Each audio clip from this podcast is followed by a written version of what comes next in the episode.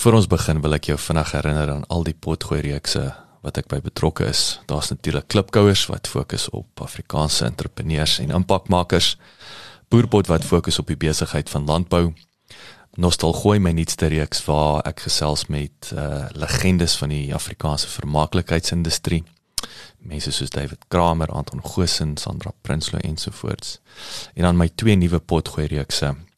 Buscrash wat die Engelse boetie is van klipkouers en dan Pot of Gold wat gefokus is op die besigheid van mynbou. As jy in Pretoria is, kom maak gerus 'n draai hierop by ons plek uh, in die R21 Corporate Park genaamd Bouma at 21 waar ons 'n kafee het, ons het co-working space, ons hierdie uh uh um, raadsaal uit en my ateljee is hier. So as jy is, kom drink gerus 'n koffie en kom sê hallo. Nommer 7 Media Produksie. Welkom by die John Deere Afrika Potgooi reeks. Ek is jou gasheer, Jacques Passon.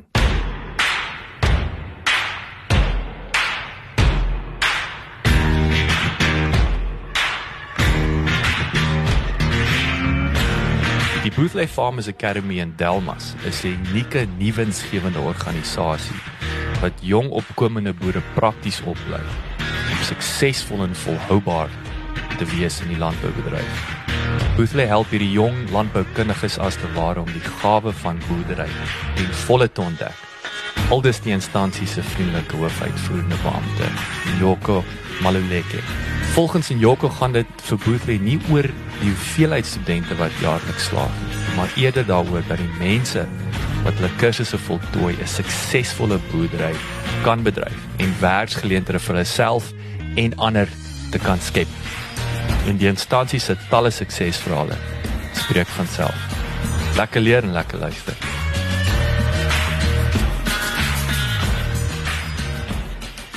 Nyiko, tell us a bit more about the Buhle Training Academy, please. Okay.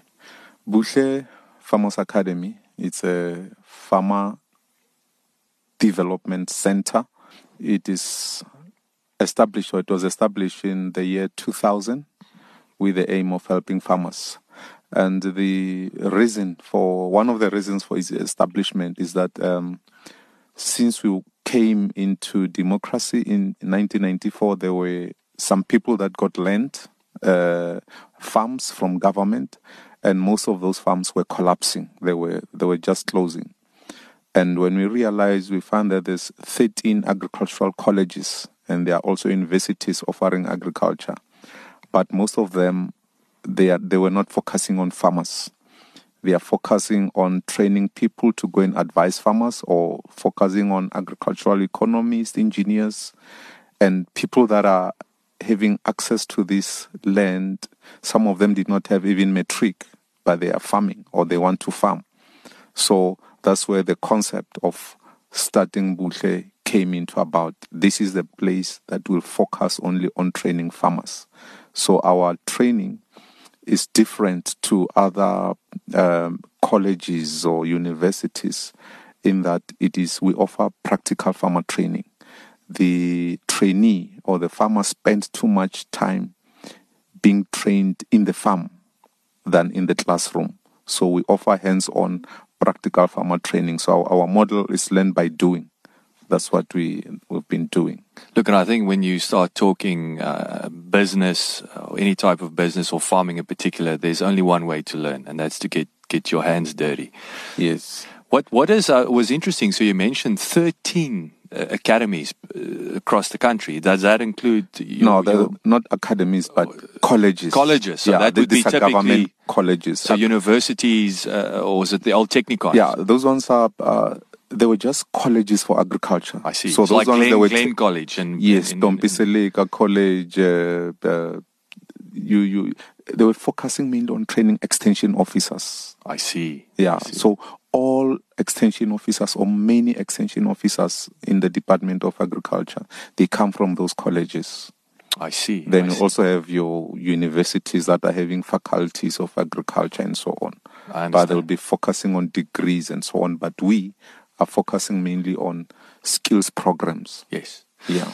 So two questions. So just to touch on that, I- I mean, you guys, I mean, you started 20 years ago. Are, are, are you- are you one of the first? And, and, and how many of your type are there in the country? Look, we have been here, like I said, for 20 years, but I don't know any other academy that do what we are doing. If we are accredited with AgriSETA. AgriCita oftewel die landbouopvoeding en opleidingsgesag in samewerking met ander rolspelers in die landboubedryf skep en bevorder geleenthede vir sosiale, ekonomiese en werksverskaffingsgroei in die landbousektor. Asook kwaliteit en toeganklike opvoeding, opleiding en ontwikkeling in sowel primêre as sekondêre landbou. Die omvang van AgriCita se dienste strek van insetdienste aan die plaas tot boerebedrywighede en eerste vlak verwerking op die plaas. Ingevolge die wet op vaardigheidsontwikkeling is die instansie verantwoordelik vir die ontwikkeling van vaardighede in die landbou, werkersmag, werkend en werkloos. Ten einde kwaliteitlewering van opvoeding en opleiding te verseker, is AgriCita ook verantwoordelik daarvoor om sektor spesifieke opleidingsinstansies te akkrediteer. And if you check on AgriCita website, you know, there are over 300 training providers, mm. just like we are part, we are part of that. Yes. But uh, I don't know one that uh, is more like us because even the the trainees that come to us, they come from different provinces. You know, people live all the way from Cape Town or Eastern Cape or Kimberley to come for training with us. So by that, we also suspect that maybe, you know, there are no other butchers out there because they will be going there. Yeah, but they decide to yeah. come all the way. And, you know, sometimes we even get international students that are coming from other countries just to come for what we are doing. So let's talk about the students. I mean, I, I we mentioned before. I, I, saw in your prospectus, or it was I think it was your financials of, of, of 2018. You had a breakdown of the students, and I was it was intre- interesting to see that that 40 percent were, were women. So give us a snapshot, and I mean, and tell us a bit more about these these women farmers. What do they look like? Where they come from, and and, and, and all the rest. Yeah.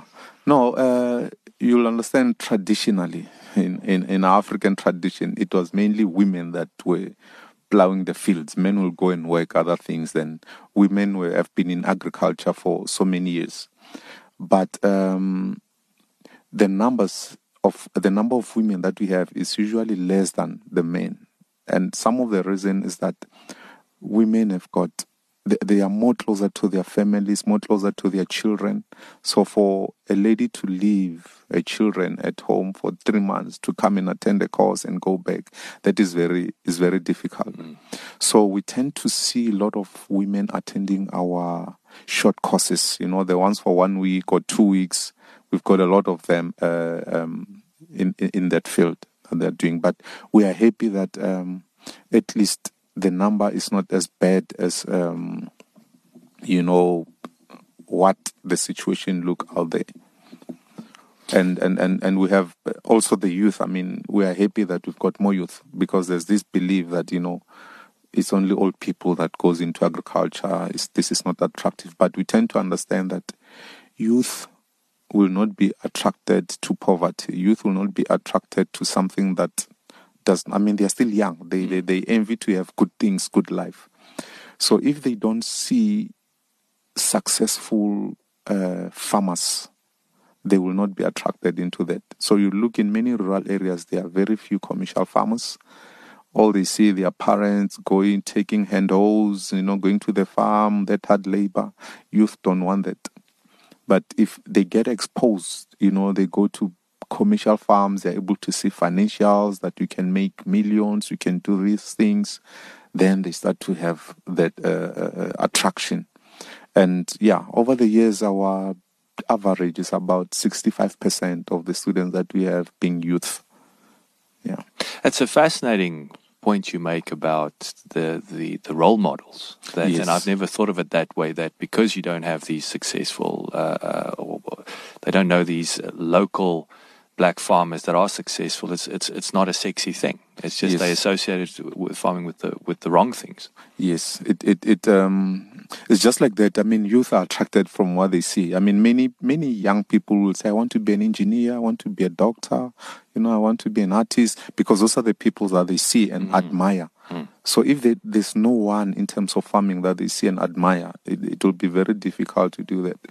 So some of the things that we do is we we, we sometimes organize. Um, you know, we, we go to schools to go and talk about, you know, careers in agriculture.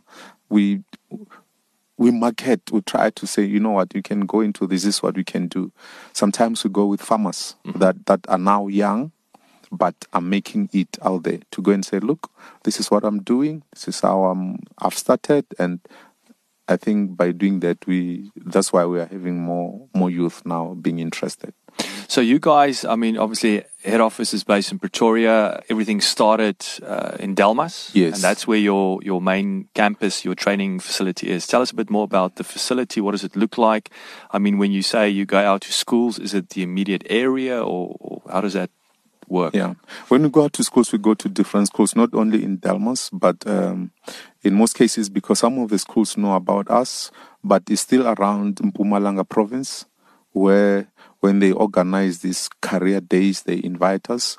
Uh, also, we have universities. Um, now we'll be going, this month we'll be going to University of Limpopo during their career exhibition where we go there, we present alternatives to students because some of them they are there, you know, doing their degrees, they'll leave and don't get employment and they stay home. Then we tell them of other options that they can look at while they are still waiting for, for the other things. But our campus is um, almost 180 hectares uh, with around 120 arable land.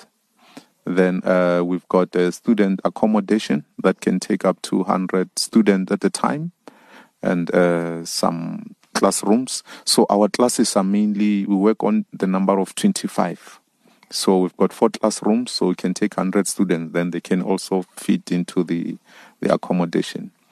But because we do practical farmer training and we believe that we, if you train someone about farming, you must also be a farmer or understand or do something, you know, you, you must practice what you preach. So we also run a commercial farm um, where we are. Most of it uh, is grains. Um, currently, we've got 100 hectares of uh, soya beans. Uh, previously, it was maize, so we are rotating like that. Uh, last week, we just harvested uh, six hectares of potatoes that we, we are planting for McCain. So we've got several different kinds of uh, vegetables that, that we have in there. Then in the livestock part, we've got layers. Uh, so we are selling, farming with eggs. We've got broilers. Uh, we've got pigs. We've got uh, sheep. We've got goats, and we've got uh, a feedlot, cattle, a cattle feedlot. So there are those uh, enterprises that we are doing there. And and and I take it again. These are, uh, like you say, the proof is in the pudding. So you guys make money. So I'm assuming it makes money for for for the academy on the one hand, and that's also. But of course, we'll get to the Yeah. the commercial model. But that's money in the bank for you guys, while the students can can can learn and and get their hands dirty. Yeah.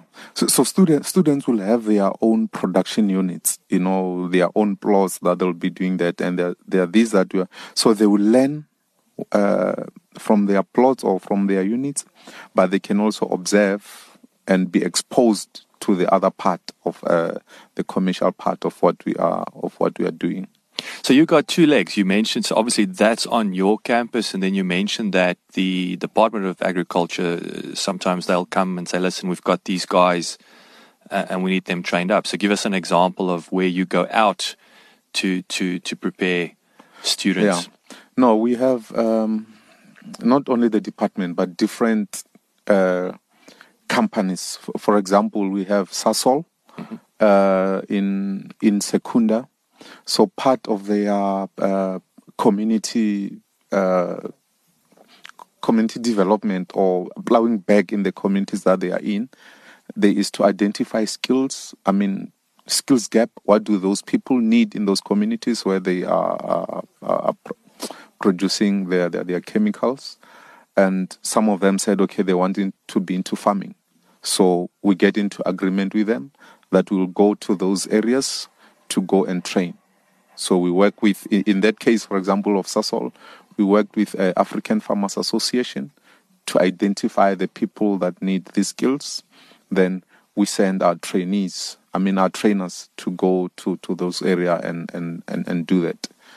We had a similar project again in uh, in Northwest, where we had an agreement with Northwest uh, Department of Agriculture to train 400 farmers, and luckily that side they've got a a training center called Hora Training Center in Mafikeng, but it was not functional. I mean, it has all the things, but I think you understand in government sometimes uh, if it's a college, it falls within the department. Maybe things were difficult a bit, but then they called us to go and train. So we're training there in their facilities, using that to train those farmers. You've got the know-how, they've got the infrastructure, so it's a it's Yes. a good match. Yeah. So tell us a bit more about the, the training. I mean, let's let give us some meat. So we we touched on. I mean, you've got your four main courses, full-time courses. You've got the livestock production, vegetable production, poultry production, and then uh, grain crop production. Uh, what what are the uh, where's the two? I would say the most popular. Uh, why? The okay, yeah, we we have those courses, which is uh, the the the vegetable course, which deals with different kinds of vegetables. So there it will be your uh, cabbage, spinach, beans, beetroot, carrots, and so on. So students will be trained in those because when they leave, they will choose which one they want to farm with. But again, that's on your campus. They they can have access to that, see it firsthand. yeah, Then the poultry is focusing on broilers and, and, and layers. And uh, your grain crops at the moment, you are looking at soya bean and maize, uh, then a bit of uh, sunflower. And the livestock looks at uh, beef cattle, dairy cattle, sheep, goats, and pigs. So, duration of these courses again, uh, they're dependent on the production cycle of that. So, our vegetable uh, course is um, three and a half months. Then livestock is two and a half months. Poultry is two months. Then the, the the grain crop, you know, used to be nine months, but now we've broken it down into different modules, four modules. So they don't stay there for the whole nine months. They go, leave, come back, and and, so on. So, but all these courses they are divided into four. So there are there's a theory module which they do in class. Then there's the practical model where they spend a lot of time in the farm. Then we've got farm business management because we are training here decision makers. We're training farmers who will sit down, talk about marketing, how to develop a business plan, you know, how to do budgets and all those. So then the last part uh, is the life skills that we include in there because we believe that um, you might be skillful and knowledgeable, but if you're not disciplined, you know, if your attitude is bad, if you don't respect time, those uh, light things can really destroy the business. So we put all these uh, uh, uh, modules together in all these courses, and we have. Um, your poultry course and the livestock course as being the one that is in high demand. Uh, we have a lot of applications in there, and we have to to cut a lot of people, and we suspect that it is like that because it is cheaper. It is not. It is more much more affordable to start uh, with them. With poultry, you don't need big land, so if land is a problem, then you can still start with that and uh, again it's quicker. I mean you start with your, your your your broilers. You raise them five weeks six weeks you're selling them. So you get income faster instead of planting maize which you will plant and harvest after nine months. You harvest once a year. Because once they start they need uh, quick cash flow. So poultry uh, does that. I mean, with your eggs, you sell, you produce eggs every day. You sell every day, so they are. That is why it's much more attractive. Same with um, livestock. Livestock, most of them because they come from rural communities, so they just use the available uh, grazing land that is that is there for all members in the community. So all what they need is just to build kraals for them to keep their livestock. Then in the morning, then they they go out. But if you look at the grain crop ones, you know you need a lot of investment uh, to make more money in grains. You need big land. Mm. You know to start being commercial somehow. For example, if you're planting your maize, you know you must produce in over 200 hectares. Really? So that's if it's less than that, you you're wasting your time. You're wasting your time because what, what happens is that in maize, usually, for example, if you if you do well, um, you you need to get at least you know six tons, at least six tons per hectare. Mhm. And if you get six tons per hectare, your your production input, you know, will be around 8,000, 8,000 per hectare. Then depending on the SAFEX price, let's take your the maize, the money that you get is 2,000 rand per ton. So if you get six tons, then you get 12,000. Mhm. So meaning you can make that profit of 3,000. And it's a profit of 3,000 rand that you get once a year.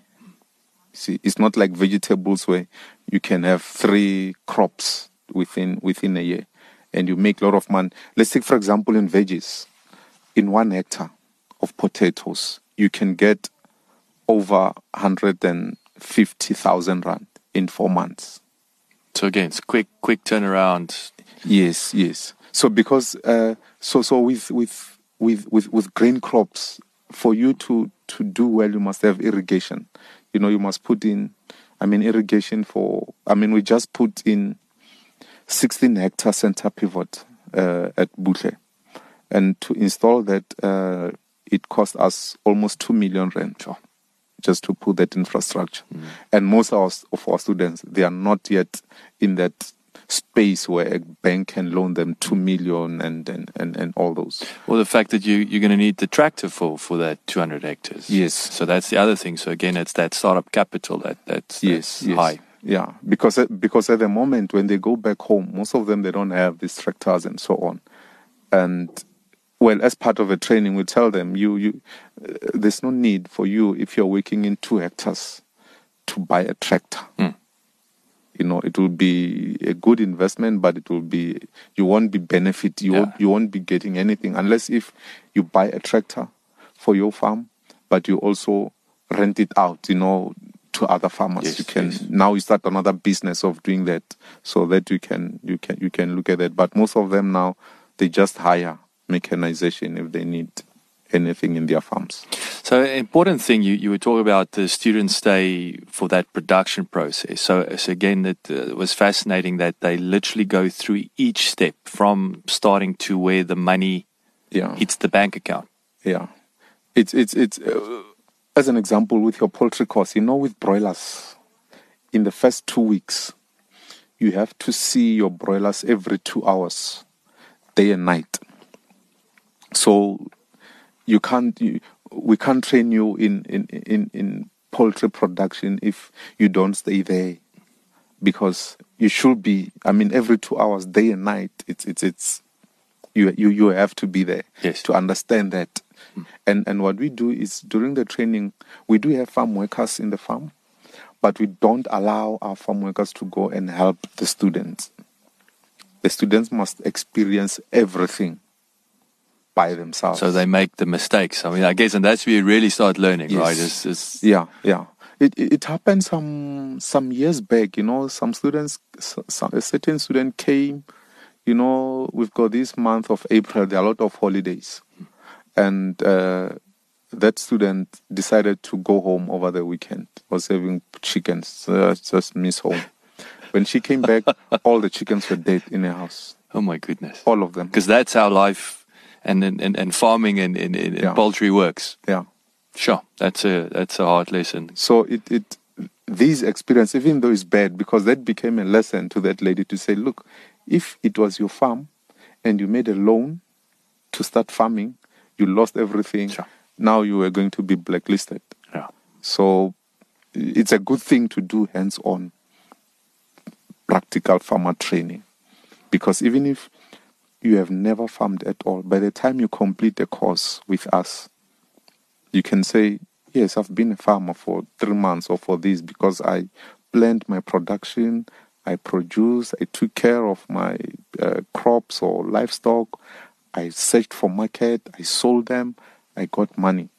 So I, have done the whole cycle of, of, of, farming. But you, and again, we'll get to the nitty gritty, but you also send out these uh, food officers or farm officers, you call them. Yes. To and, and it's it's it's a form of mentorship afterwards. Yeah. We, we've got those are the two main services that, that, that we do is training and farmer support. So we've got farmer support officers that go out and assist uh, the farmers because our our mission as Buhle is to help farmers to start and run viable farming businesses. So training is part of our service, but training alone cannot make someone to be a successful farmer. Training and mentorship after, then also funding and also issues of uh, of market. Mm. So the field of our farmer support officers will go out, deal with each individual uh, farmer. But the way it is, because we are training a lot of lot of people and they are coming from all over the country. It's not a cheap thing to, it's not, it's very expensive to go out all provinces every day and do this. Mm. So what we said, we, we said, after farmers have left the training campus, after three weeks, we call all of them, then to check how far are they, what are they doing, and only those that now have st- startup capital to start farming, those that are now in production, they are the ones that we start focusing too much on. Because we used to hit a brick wall with spending a lot of time helping farmers to get funding. Uh, Instead of where they're supporting the guys that already have traction. Yes, yes. So now we are focusing more on uh, we are focusing more on those because we we are training, but uh, we we don't call ourselves an academic institution uh, because we don't pride ourselves on how many students pass, you know, how many with distinctions mm-hmm. and so on. We want to say we are successful if people that went through our services are now farming, are employing themselves, and are employing other people mm. that are that are doing that. I mean, we once had a a project with the Jobs Fund uh, for three years and another one for four years. And I mean, because of that project, there were a lot of resources that we were able to even track. So we could realize that, you know, on annual basis, farmers or people that went through, that we were supporting, you know, could create over 3,000 jobs. That is themselves and the people that they employ. Wow. Is, is that your, at this stage, your track record? I mean, over the, the period, yeah. what, what way? Yeah. Uh, it's, it's what we can track in terms of the actual verifications that have been done.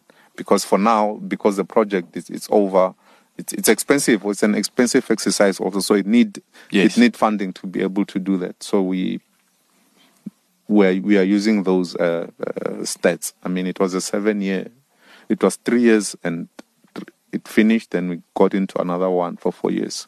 Yeah. Sure. Just before we, we go on, because we talk about the training, we talk about mentorship, and of course, grants. So let's we'll talk about the, yeah. your commercial structure, the challenges around that for, for, for you as a business, for, for the, of course, the, the this uh, new farmer. You mentioned the the short courses. If you've got you've got the full time and the part time. What what are the what typically are the the part time courses look like? And I mean, you said it's a five day. So what what are those typically? And and and and, and again, you mentioned a lot of the women that that come in and and yeah, and, and yeah. get trained. So what does that look like? No, they they vary.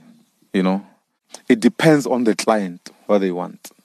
Uh, so, for example, some people are in farming but their problem is they don't see they don't realize profits but they've been farming for years 10 years and so on but they then they will need for example training on record keeping because some they don't keep records so we have like a four day course or five day course on record keeping Okay. So we arrange, we go and do that. Some will say, no, I need to train my people in tractor operations and maintenance. It's a five day course. We get a tractor, call in people, we just focus on that. Or so there are many, there are many of these short courses. Some will say they need training only on, you know, control of diseases Mhm. in vegetables. So we just go there, we show them how to identify diseases, different kinds of uh, chemicals, how to spray, and so on. So there's, there's, there's no specific list because we are able to make uh, tailor-made courses for a specific request that we are that we are getting. And again, it's because you so you you farm across different disciplines, and again, you have the experience. So that, that that's fantastic. Yeah. I mean, is the the bulk of your business is it, is it the full time courses still, or is the, the part time a big part of of of your your annual Yeah, the- the- training? the the main courses it's uh is what we need more because it they cover everything that a farmer wants to know. Mm. But the challenge that we have as a as an organization it's the resources because we have we've got two semesters, so we can only offer two courses like two vegetable courses a year one in the first semester another one second semester same with livestock and poultry so it's limited our resources there it means we can't train more than 200 people a year and for the past three years i mean we have been training over 500 students a year Wow. so majority of our people, the people that we train, they are from the short courses than the ones that are, are longer because those ones we are limited in terms of student accommodation and, and the classrooms that we have. But with these other short ones, because we can go wherever at any time, then we that's where we get a lot of uh, lot of trainings there. So let's talk about the, the, the typically, you know, what the cost structure is w- w- when we look at the full time courses. Yeah. So so tell us more about the, the, the cost structure. You mentioned so we got the training. So how does that work? Uh, the cost, the mentorship we mentioned, and then of course uh, the grants, the challenges that this newly trained farmer faces. Yeah. With the with the cost fees, I'll say on average we, are talking about 600, 600 rand per day, and this will be covering uh, tuition. Uh, it will be covering the assessments. You know, because you are accredited with AgriSETA, there are certain things that we need to do for them. You know, it it covers. Uh, production inputs that we buy for the students to use when they are in training, like seeds, fertilizers, animal feeds, and so on. Then it also covers um, accommodation. It covers three meals a day uh, when they are there, and also covers some of the transport because sometimes we take them to, you know, auctions. We take them to farm visits to visit other commercial farms and so on. So all that is is it's it's it's embedded in there. So on average, let me say around thirty to 35,000 uh, rand. That's what uh, farmers are expected to to pay. I mean, I mean that's what it cost us. But unfortunately, many of our students they, they can't afford that. So we say they pay commitment fee of thirty of um, of ten percent and the rest we have to fundraise as the organization to be able to subsidize them. So, as an NPO, we do a lot of fundraising to be able to do this. And I will say, um, for many years, we were we started at hundred percent donor funding uh, that we needed, but uh, in the last years, you know, we are almost sixty-five percent donor funded the rest is the other income that we generate ourselves in the farm and the cost fees and, and so Wow, on. Um, that's fantastic. I mean, the, the, I would say it's best practice in the world that you have NPOs that it's almost a challenge to see how how they can increase their own budget that they generate Yeah. from their own businesses versus versus grants and and, and Yeah, because I think we, we learned, you know, like in 2008 when we started having recession, you know, in the world, if companies are funding certain organization, they cut the funding and try to concentrate on their own activities. Mm-hmm. So then we realize that, you know, if we still rely too much on donor funding, if this donor stops, it means even our organization will collapse. So in terms of sustainability, mm. then we looked at different modes of raising funds. So one was own income generation to be able to to sustain the organization. I like that. That's uh, that's fantastic. So now you you've, you've trained it, and also what you mentioned uh, uh, um, or emphasized is the fact that the, the the student, the farmer, trainee needs to pay ten percent because again it's free. Yeah. Free Yeah, yeah, people no. put place no value against free. Yeah, yeah. No, it's a we we call it commitment fee. Like it's not like student fee, but it's it's more of commitment fee to show that you are committed into this. You have to put in something hmm. because when you're going, in, they must understand if they go into a farming business, it is a business. Hmm. And in a business, you need to invest. There's no business which you can run without investing anything into it. So it's just to build up that mindset in them to say, okay, I understand now. I was just like this. Now I'm going into business. This is my first investment. I'm putting 3,500 as my investment for future. The information that I'll get in here will help me run my business when I'm back home. Yeah. So now student is ready to rock and roll. They've they've gone through your two two and a half months of training. Uh, what happens now? Now they go back. What what Yeah. what does that picture look like? What are the challenges, Yeah. opportunities?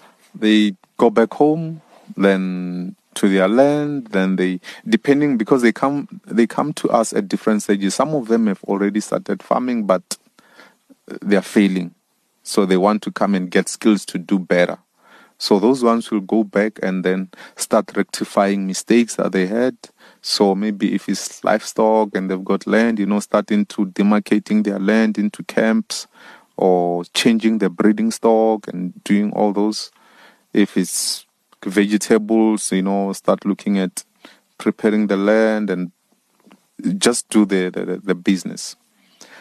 Then some that uh, come with just no knowledge on farming, they've never done that, they've just got access to land. When they go back now, first thing is to then start look for funding. Must look for funding because uh, they need they need those. One thing that we help them with is to register their businesses. I mean, with uh, with SIPs, uh, so that they go out with, and we encourage them to do PTYs because this will be their private money making businesses. So we make sure they get um, all that support. So it will depend on each and every individual farmer. They are they are they are at different stages of having resources and so on. So it's not generic, but we encourage them to to to, to start farming. And and these guys, I mean, uh, again, the big challenge is banks. I mean, they they they want security. Mm, mm. they give you a loan, and you mentioned again a lot of these guys. They they they they've got access to the chiefs' land, but it's Yeah. not their land. So Yeah. so what what what does that mean? What are the challenges there? And how? Uh, and I know you guys are working on ways to to overcome the fact that that this uh, talented young farmer doesn't have access to to his own land. Yeah. Look, we we did a research last in 2019, and in that we identify that almost 84% of the 50 farmers that were visited, they started their businesses with their own savings, with their own with their with their own money, and uh, that shows you that you know they are far away from uh, from what the banks what the banks need, and to bridge that gap uh, as an organization or as Buhle, we then had discussions with different funding institutions. And uh, one of those institutions was Land Bank, IDC, Nedbank. And uh, we came to an agreement that let's have the whole package of farmer development, which is training, mentoring them, and giving them startup uh, uh, funding. Then, after giving them we still continue to mentor them, you know, for three years, for them to be able to reach a stage where they are fundable. Because to be fundable, some of the things that many banks need, uh, or all institutions that are governed by the National Credit Regulation, they'll say they need, uh, you know, audited financial statements, they need three months bank statements, a business that is registered, proof of market of what you're supplying. Then we assist them with that. Then at the end, we believe those people will start now to be looked at by by the banks. But that is one of the biggest challenge of farming in uh, rural communities or in chiefs land is that you your land is not uh, recognized by farming institution because you don't have that. They they usually look at banks look at title deeds, and those ones they just get letters. They are called them uh, PTOs, permission to occupy. Regdeur Suid-Afrika is daar steeds eiendomme, soms groot eiendomme wat aanspraak op gemaak word deur toestemming om te bewoon regte, of in Engels is dit permission to occupy rights, of PTO. 'n Mens kom normaalweg hierdie tipe regte te in die eertydse landelike gebiede, insluitende wat deesdae vir kommersiële of industriële doeleindes aangewend word. Die sogenaamde PTO kan gedefinieer word as 'n gebruiker se reg van 'n persoonlike aard wat die gebruik of bewoning van 'n landelike onopgemete stuk grond toelaat. Hoewel dit geregistreer kan word in verskeie staatsdepartemente, kan PTO's egter nie geregistreer word in die aktekantoor nie en derhalwe dra dit nie eienaarskap van die grond oor na die bewoner toe nie. You mentioned earlier, so uh, I want to talk about John Deere, for example, where they got involved. Again, what you, I mean, that's a nice little case study. Yeah. What what happened there? Um, again, yeah. before, after, yeah. during, and after. Yeah, with with John Deere, we had a different kind of uh, partnership over the years. Initially, because you are there in Delmas, and they also have the, um, is it a shop, a plant, or what in, in Delmas? So what they used to do, there were some. They used to make. I mean, before they sell their products, like uh, the plows and so on, they need to test them. I mean, the tractors they need to test them and so on. So we used to have a partnership with them where they they give us those uh, uh tractors so that we they, they, do those hours that are required then they will get the results and so on. But by doing that, we're getting mechanization for free. Uh-huh. That we're able to plow, produce, still get money to fund the the the, the, the, the painful thing was when they now had to take them and discard them, you know, because mm-hmm. they had to uh, uh, by law. But then another thing, like there were also some uh, funding that we that we got in to assist farmers in training, donor funding. And we had uh, one case study of a young lady uh, called Lerato. Lerato came to us to be trained. We trained her in crop production, uh, poultry, and also in livestock. And she was in a four hectare uh, plot. Then she got a bigger land almost uh, just over 100 hectares of land that she got. And now she wanted to grow big. She was planting soybeans and so on. She did well that she then even bought the next door farm that was there. And now she the land was even bigger. So she, she was doing uh, uh, these uh, grain crops. Now she's got livestock also uh, with Nguni cattle. She's got uh, goats.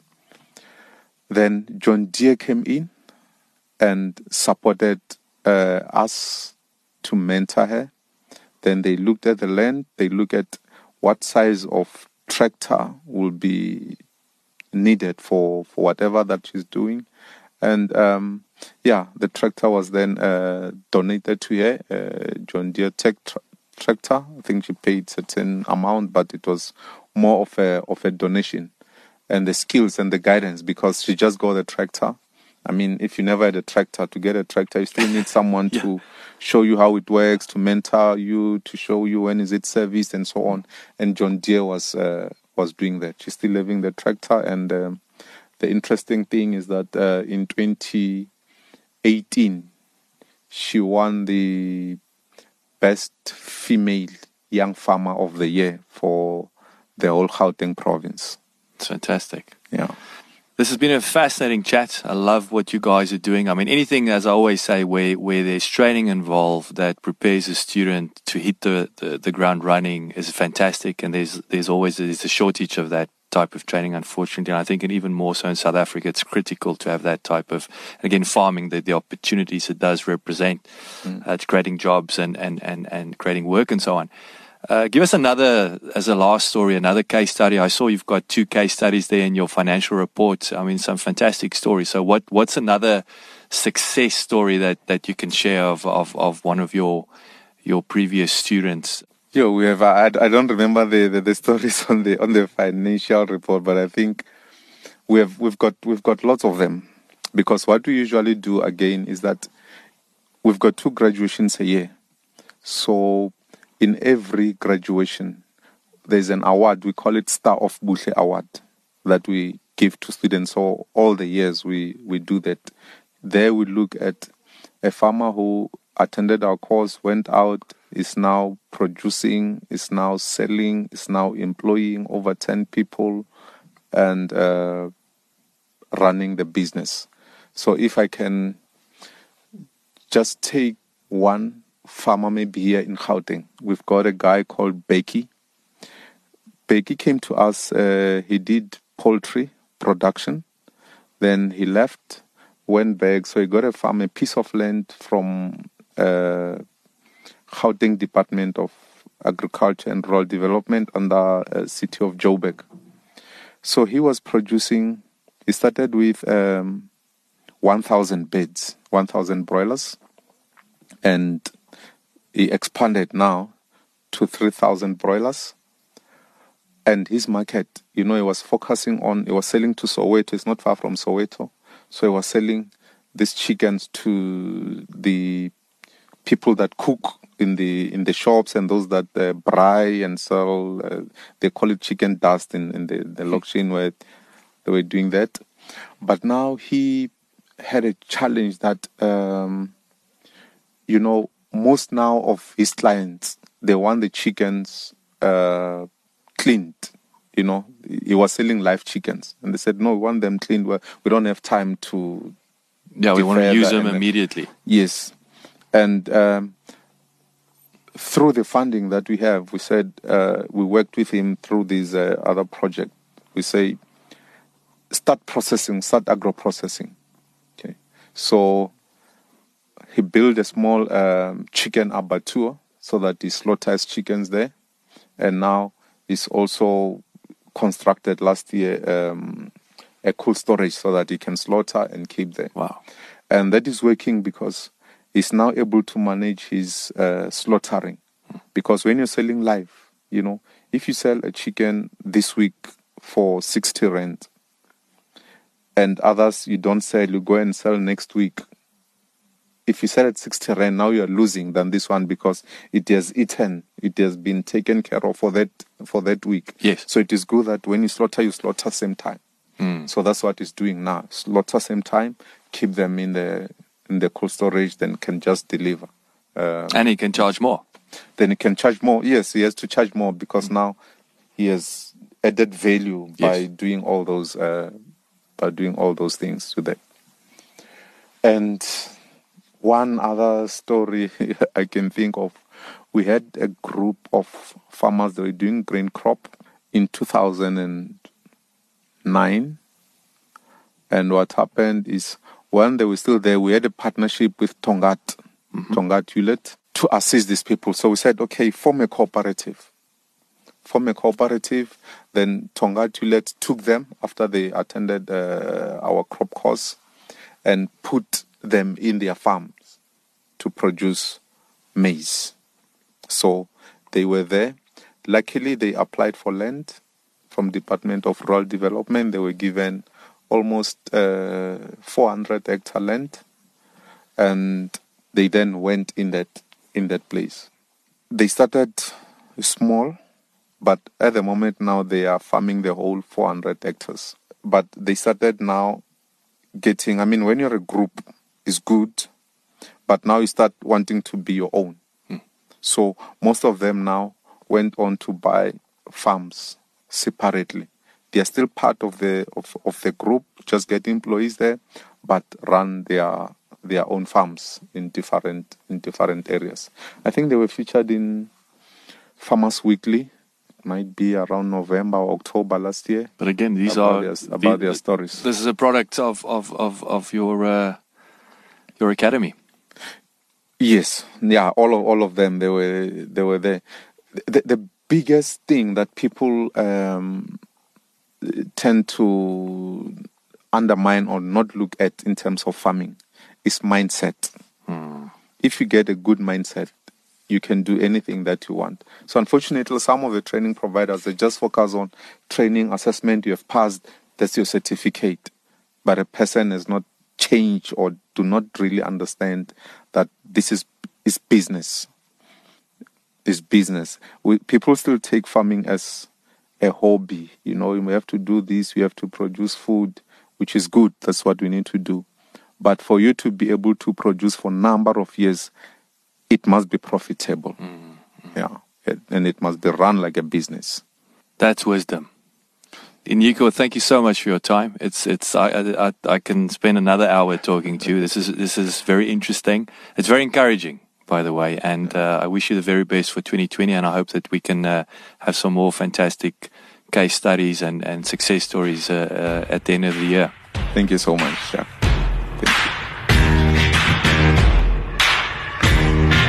Baie dankie dat jy geluister het.